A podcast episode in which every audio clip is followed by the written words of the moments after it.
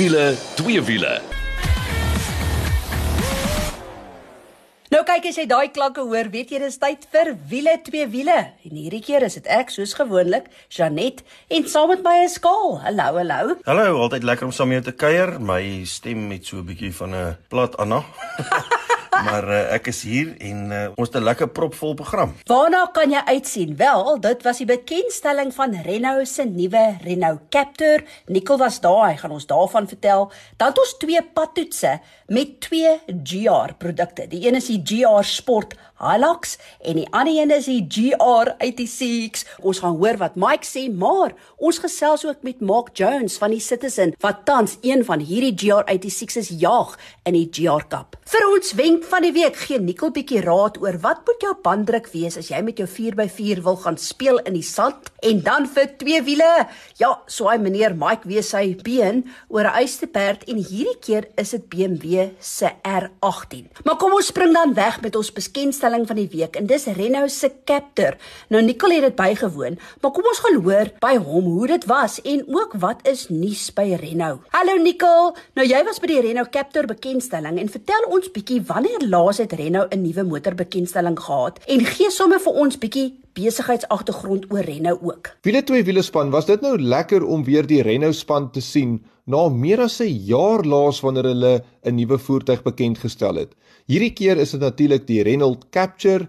Dis natuurlik daai funky sportnuts SUV voertuig van hulle wat ons in Suid-Afrika baie goed ken, want daar's heelwat van die vorige generasie wat jy nou nog op ons paaie sien. Maar net 'n bietjie agtergrond oor Renault. Ons weet hoe moeilik was laas jaar. Dit was COVID se einde nog. Dit was die chip issue, dit was die voorsiening van karre, die um, selfs die verskeping was moeilik geweest na Suid-Afrika toe.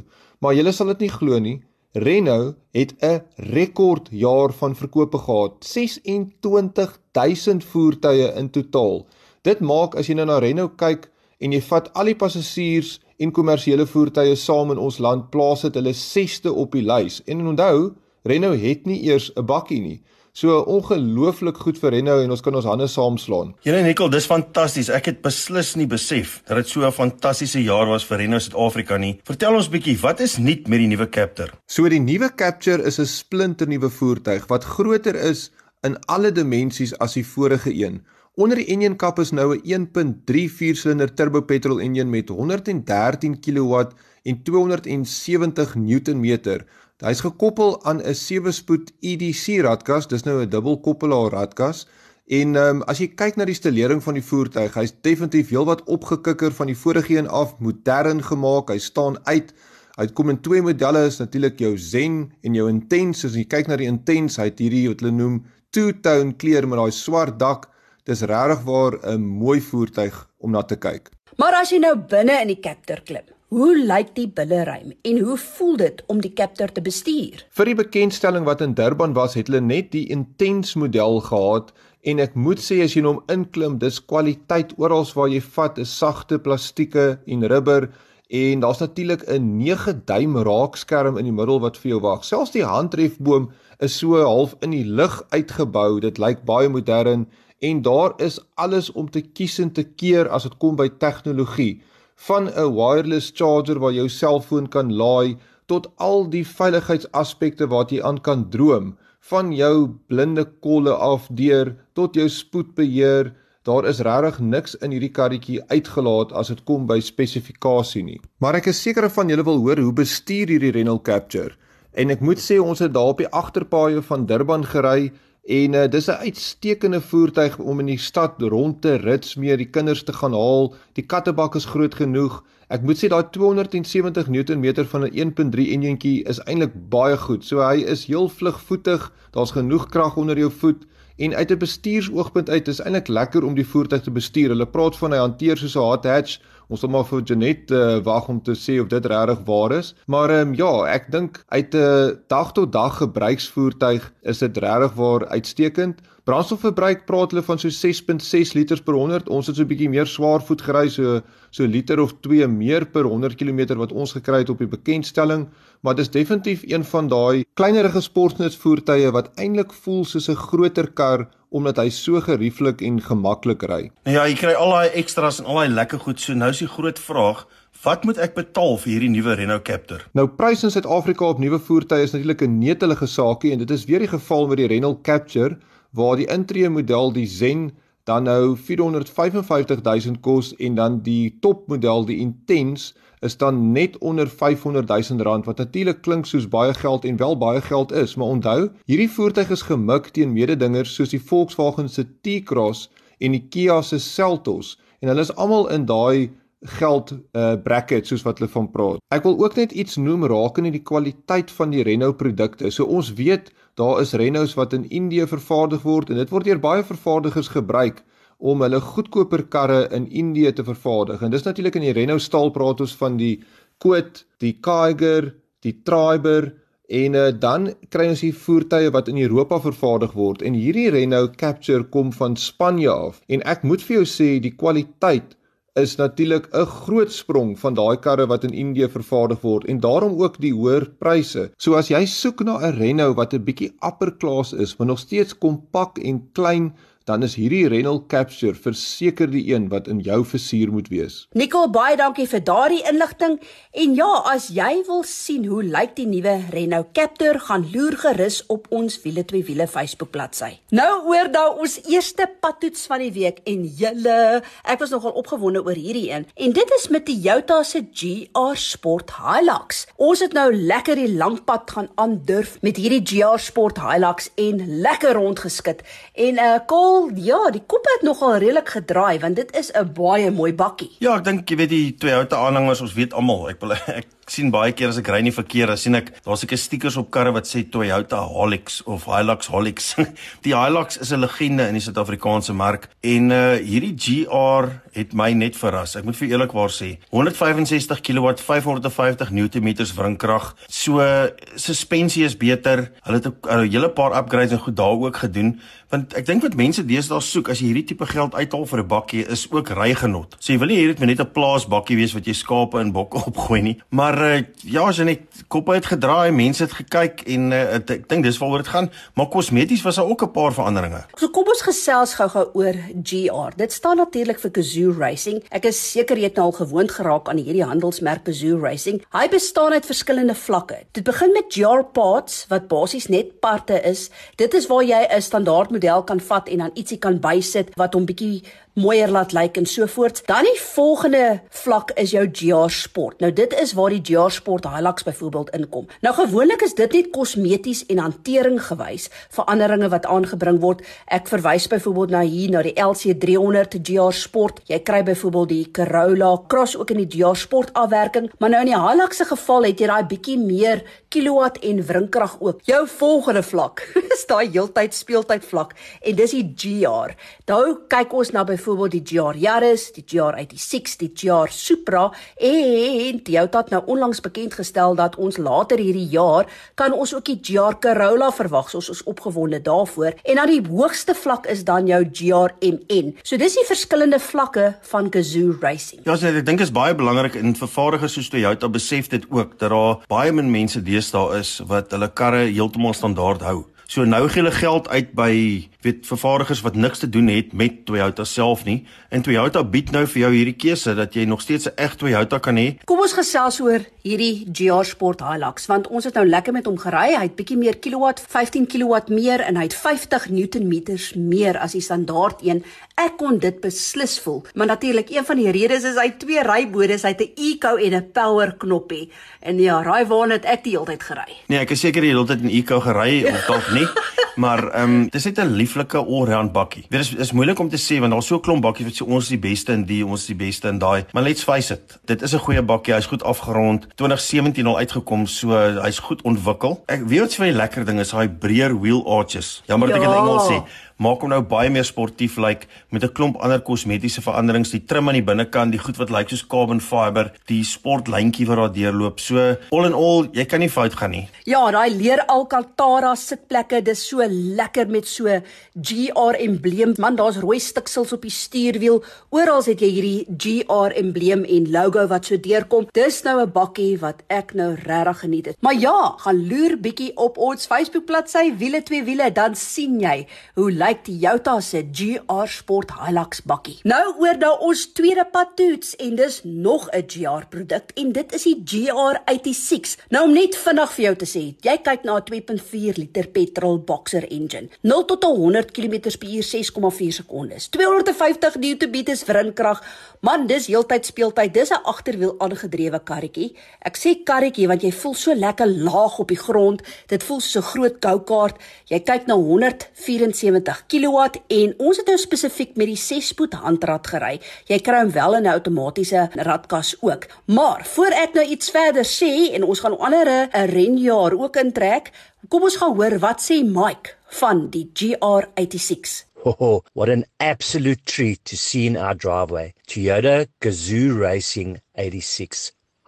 What a sight. Now, I must tell you, GR is not just a badge put on the back of a car. This thing actually means serious business. This car is massively improved over the old one. It's got a bigger engine in. It's just such a driver engagement car. And with that wonderful chunky six speed gearbox that we had, I know you can also get her in an automatic, but I just love driving the manual. 250 newton meters of torque for me was little on in the books, but I tell you, she pulled so much stronger than that on the open road. I thought there was definitely much more. Driver engagement is bliss.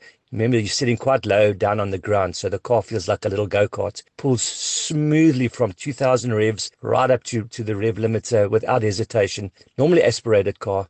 I just love driving this. Nou ek het beloof ons gaan 'n renjaar intrek en dit is Mark Jones, hy's van die Citizen. Nou julle sal weet verlede jaar 2022 het ek die fantastiese voorreg gehad om deel te neem in die GR Cup wat deel vorm van die nasionale Extreme Festival, maar dit was nou spesifiek met die GR Yaris. Nou hierdie jaar het hulle besluit goed die GR Yaris vorm deel van klas A en dit word bestuur deur Bucketless Racing, maar vir die joernaliste is daar nou die GR86 en einste meneer Mark Jones, goeie vriend van my, hy is nou weer hierdie jaar deel van die span plus vyf nuwe joernaliste. En ons gaan bietjie met Mark gesels om te hoor wat dink hy van die GR Cup races, maar belangriker ook Who is hierdie GR86? Hello Mark, 2 weeks ago you won both races of the GR Cup at the Extreme Festival and that was at Killarney. Super proud of you. Congratulations for winning both races. And now before we chat about the GR86, just tell us how is the racing this year in the GR Cup with a strong field of 12 cars now? It's exactly as you said. We're a 12 car grid now, but we're not racing each other. The A class so to speak is GR Yaris's in front and the slightly slower GR 86s behind them. Although we do tangle occasionally on the track, so to speak, we're not exactly racing each other. My race is still with my fellow motoring journalists, which are all in the 86s. The Yaris cars are now piloted by little up and coming go kart kids. They're like 14 years old. It's crazy. These guys can't even have licenses for mountain bikes yet, never mind racing cars, but they're as quick as hell. And yeah, good to see on the track. So I hope it grows. Maybe next year there'll be another six cars, so we'll have 18 cars, and that'll make GR Cup one of the biggest categories in national racing going forward. Can't wait. Now, let's talk about that 86. Now, honestly, I was at the launch and we had the car test now too, but it's quite a handful. But then again, you are used to real wheel drive cars. What do you think of the GR86 and what is it like racing one? Yeah, for sure. One thing these GR86s aren't are GR Yaris's. You need a little bit more finesse when it comes to getting the car out of the corner and carrying speed.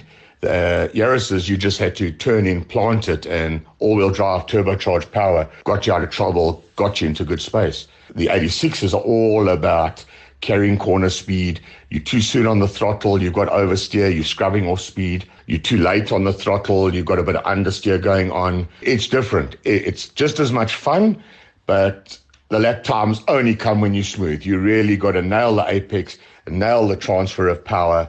But it's absolute fun. It's a true purist car, and yeah, very lucky to drive one. Nou toe, al wat jy nou moet doen is gaan loer bietjie op ons Facebook bladsy. Dit is wiele twee wiele en dan gaan hierdie GR86 ook daar vir jou pronk. Ons gaan nou eers bietjie asem skep en dan is ons terug met 'n lekker wenk van die week en ook twee wiele.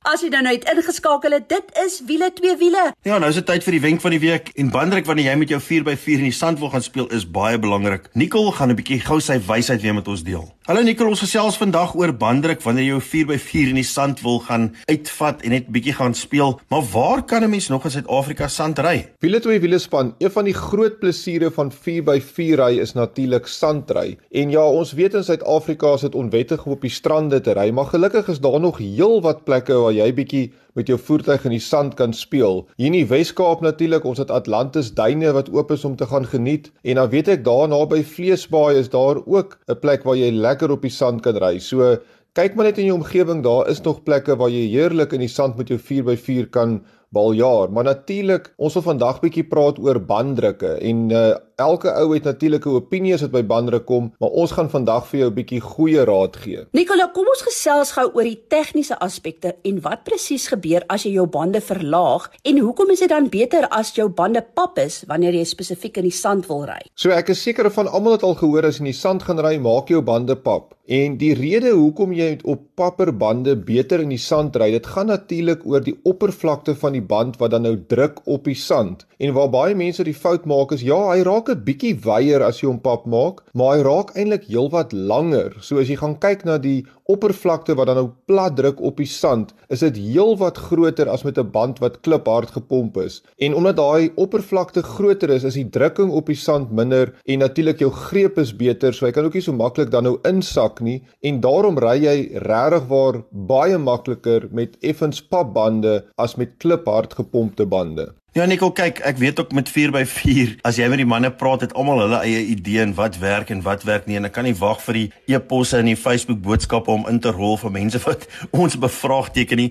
Maar wat is daai goue gemiddel? Daai wie wat jy spring nie met 80% daar. Dit is natuurlik 'n lekker braaivleis redenasie oor wat is die perfekte banddruk nou om op sand te ry. Nou ja, ek weet daar's baie verskillende bande daar buite en dit kan miskien verskil op die tipe sand wat jy ry, die tipe band wat jy op het, maar wat interessant is, ek het omtrent so 10 jaar terug het ek 'n lekker toets saam met 'n General Tyre gedoen waar ons 'n sandhelling of noem dit nou maar 'n duin voorberei het. Ons het 'n Ford Ranger gebruik met die General Grabber band op en ons het regtig baie moeite gedoen om alles dieselfde te hou. Ons het toerusting gebruik om te sien hoe ver die voertuig kan vorder teen hierdie helling en dan het ons met die banddrukke begin speel. En ons het natuurlik by hard begin, sommer by 3 bar en laat ek vir julle sê met 3 bar bande sak jy net daar weg as jy begin. Jy het nie ons het nie eens 'n meter vorentoe gegaan nie. Toe gaan ons na die voertuig spesifikasie toe wat hier by 2.2 of 2.4 is ek reg onthou. Daar het die voertuig so sê maar noem dit 3-4 meter vorentoe beweeg en toe weer een sak hy net daar in die sand in. Toe gaan ons af in stappe van so 0.2 bar en ons gaan laer en laer elke keer het dit 'n bietjie beter gegaan, ons het 'n bietjie verder opgegaan, maar wat interessant was, die grootste verandering het by 1.2 bar gekom. So 1.2 bar is eintlik 'n uitstekende druk as jy nie te veel wind te laat uitgaan nie, as jy nog lank op die teerpad moet ry na die tyd gaan na 1.2 bar toe, jy sal sien dit maak al klaar 'n ongelooflike verskil. Dit raak al hoe beter hoe verder jy dan nou afgaan. Ons het tot by 0.6 bar gegaan. Die risiko wat jy dan het is dat die band maklik van die velling kan afkom en dit wil jy nie in die sand hê. Om 'n band te ruil in die sand is regtig waar nie kinderspeletjies nie. En ook die verbetering wat jy kry in verrigting teen daai helling op onder 1 bar raak eintlik al hoe minder. Jy kry bietjie beter verrigting, maar ek soos ek sê, daai risiko van die band wat van die velling kan afklim is altyd daar. So my goeie raad daar buite is 1.2 bar probeer hom as dit regtig nog nie werkie, gaan maar af na 1 bar, 0.8 bar, maar weet, nou begin jy risiko hardloop van daai band wat kan afklim. Nou Nicole, nou het jy lekker baljaar in die sand, maar nou wil jy terugry huis toe, maar jy sit met hierdie lae banddruk. Wat nou? Nou ja, dis nou altyd die ding as jy weer wil terug huis toe ry op die teerpad, nou sit jy met bande van 1 bar. Dis natuurlik baie gevaarlik om met daai pap bande nou te begin vinnig ry op 'n teerpad. Die hitte wat opbou, natuurlik jou voertuig hanteer nie soos hy moet nie. So eintlik ja, bande moet teruggaan na die spesifikasie van die vervaardiger voor jy weer op die teer ry. As dit 'n kort afstand is tot die naaste vulstasie, ja, so 'n paar kilometer teen stadige spoed is is reg, maar anderster moet jy maar vir jou 'n pomp saamvat en ek sal vir jou voorstel belê maar 'n ordentlike 4x4 pomp wat jy sommer van die battery af hardloop. As jy wil sterk word, kan jy 'n handpomp vat, maar dit vat baie lank. So definitief, kry daai banddrukke weer op na die spesifikasie van die vervaardiger voor jy huis toe ry, maar daar bly maar nog niks so lekker soos met 'n 4x4 in die sand te speel nie. Ja nee, dit is heeltyd speeltyd as jy die sand wil biljaar met 'n 4x4. Dankie vir daai raad Nicole. Ons waardeer dit. Ja, nou is dit tyd vir twee wiele en ons Engelsman Mike McDouling het sy been weer oor 'n eysterperd gaan swaai, maar hierdie keer is dit 'n groot perd en dis BMW se R18. Hallo Mike, so lekker om jou te gesels en ek hoor jy het baie geniet om met daai R18 rond te ry. Vertel ons 'n bietjie. So this week, guys, we're in the cruising department. BMW's R1800 first edition motorcycle. Yes, it's not a car with an 1800 engine. This is a motorcycle in the cruiser department that's got an 1800cc engine. It's an enormous classic and it looks so beautiful chromed from front to back. I call it a bruiser cruiser. Mike, waar kom hierdie gedagte agter hierdie BMW R18? So Harley Davidson pretty much has dominated the, the area of the cruising department, especially in the big two-bore cylinder uh, motorcycles, uh, the V twins or the Side twins. So they've pretty much got this covered for years and years now. There's been some fight from the Japanese guys, Honda, Kawasaki, Suzuki, have really tried to play a little bit of a game with limited success, but Harley Davidson still, I think, owning the shot. So this is where BMW's thought patterns come in now. Let's build the biggest, the boldest, the widest, the nastiest, the best looking motorcycle in the cruising department. And this is exactly what they've done. Nou kom ons praat so 'n bietjie oor hoe hierdie BMW R18 lyk. So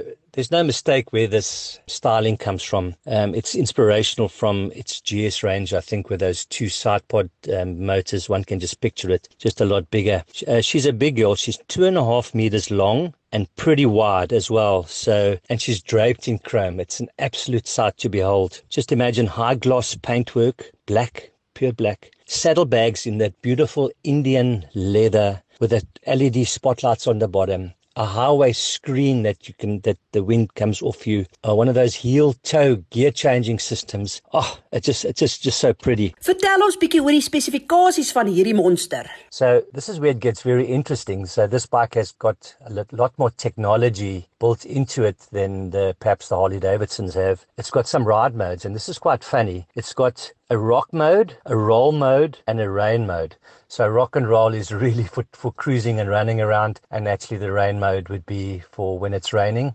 It slightly detunes the motorbike. So 67 kilowatts, but listen to this, guys, a whopping 158 newton meters of torque. Now, 158 newton meters of torque drives a car along. Can you imagine this torque on a motorcycle. It's got so much torque. I thought that I could actually pull off in fourth gear and just accelerate. And she probably would. Not that I did that, but that's just the feeling that it inspires. She pulls so strong from first gear up to sixth gear. So you go through the gears very quickly and you go into sixth gear and then you just pop that throttle open and it just oodles torque. It just pulls you back. She glides along so, so wonderfully well. Just to look at the front, the front wheel is only a 16 inch wheel. So it's a small wheel. Uh, it just makes the bike look so, I don't know what the, what the word is, bold, black, beautiful, really special. She also weighs a whopping 365 kilogram. So she's a big girl, and as I said, pretty intimidating to look at and to get on when you start that motor. It's got quite a, a rough pull from left to right, and you would think that it would be almost unrideable, but she's not. En die groot vraag is, ons wil nou graag weet, hoe ry hierdie monster BMW R18? So as I said, she's very intimidating to look at when she's in your garage. Remember, two and a half meters long, but she drives like an absolute fairy. So light, so responsive. You would think that she'd be heavy to turn. She's got a very small lean angle, but you don't really want to go around corners fast in this baby. This baby's for cruising, for looking, for taking in sunsets, for taking in sunrises, for just looking at the road that you're driving on.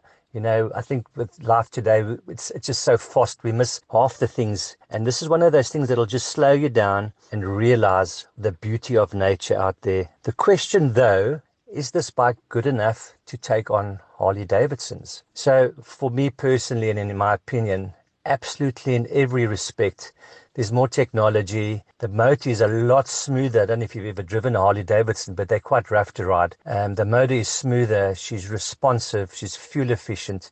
You've got the riding modes. It's so comfortable. You don't sit like uh, crouched. You, you sit in such a nice position that it's, it's just so comfortable.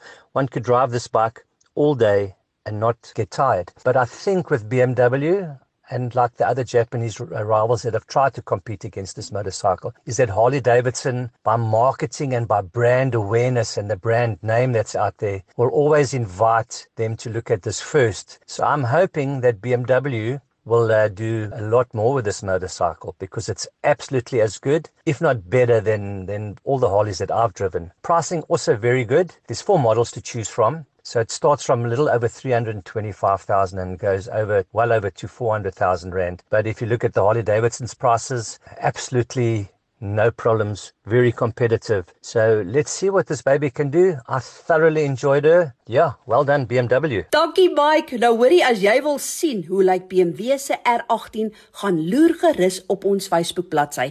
En dit is so maklik soos wiele, twee wiele. Dit is alles vir hierdie week. Dankie dat jy saam met ons gekuier het. Ons kuier weer volgende week saam, maar tot dan toe. Hou daai wiele aan die rol.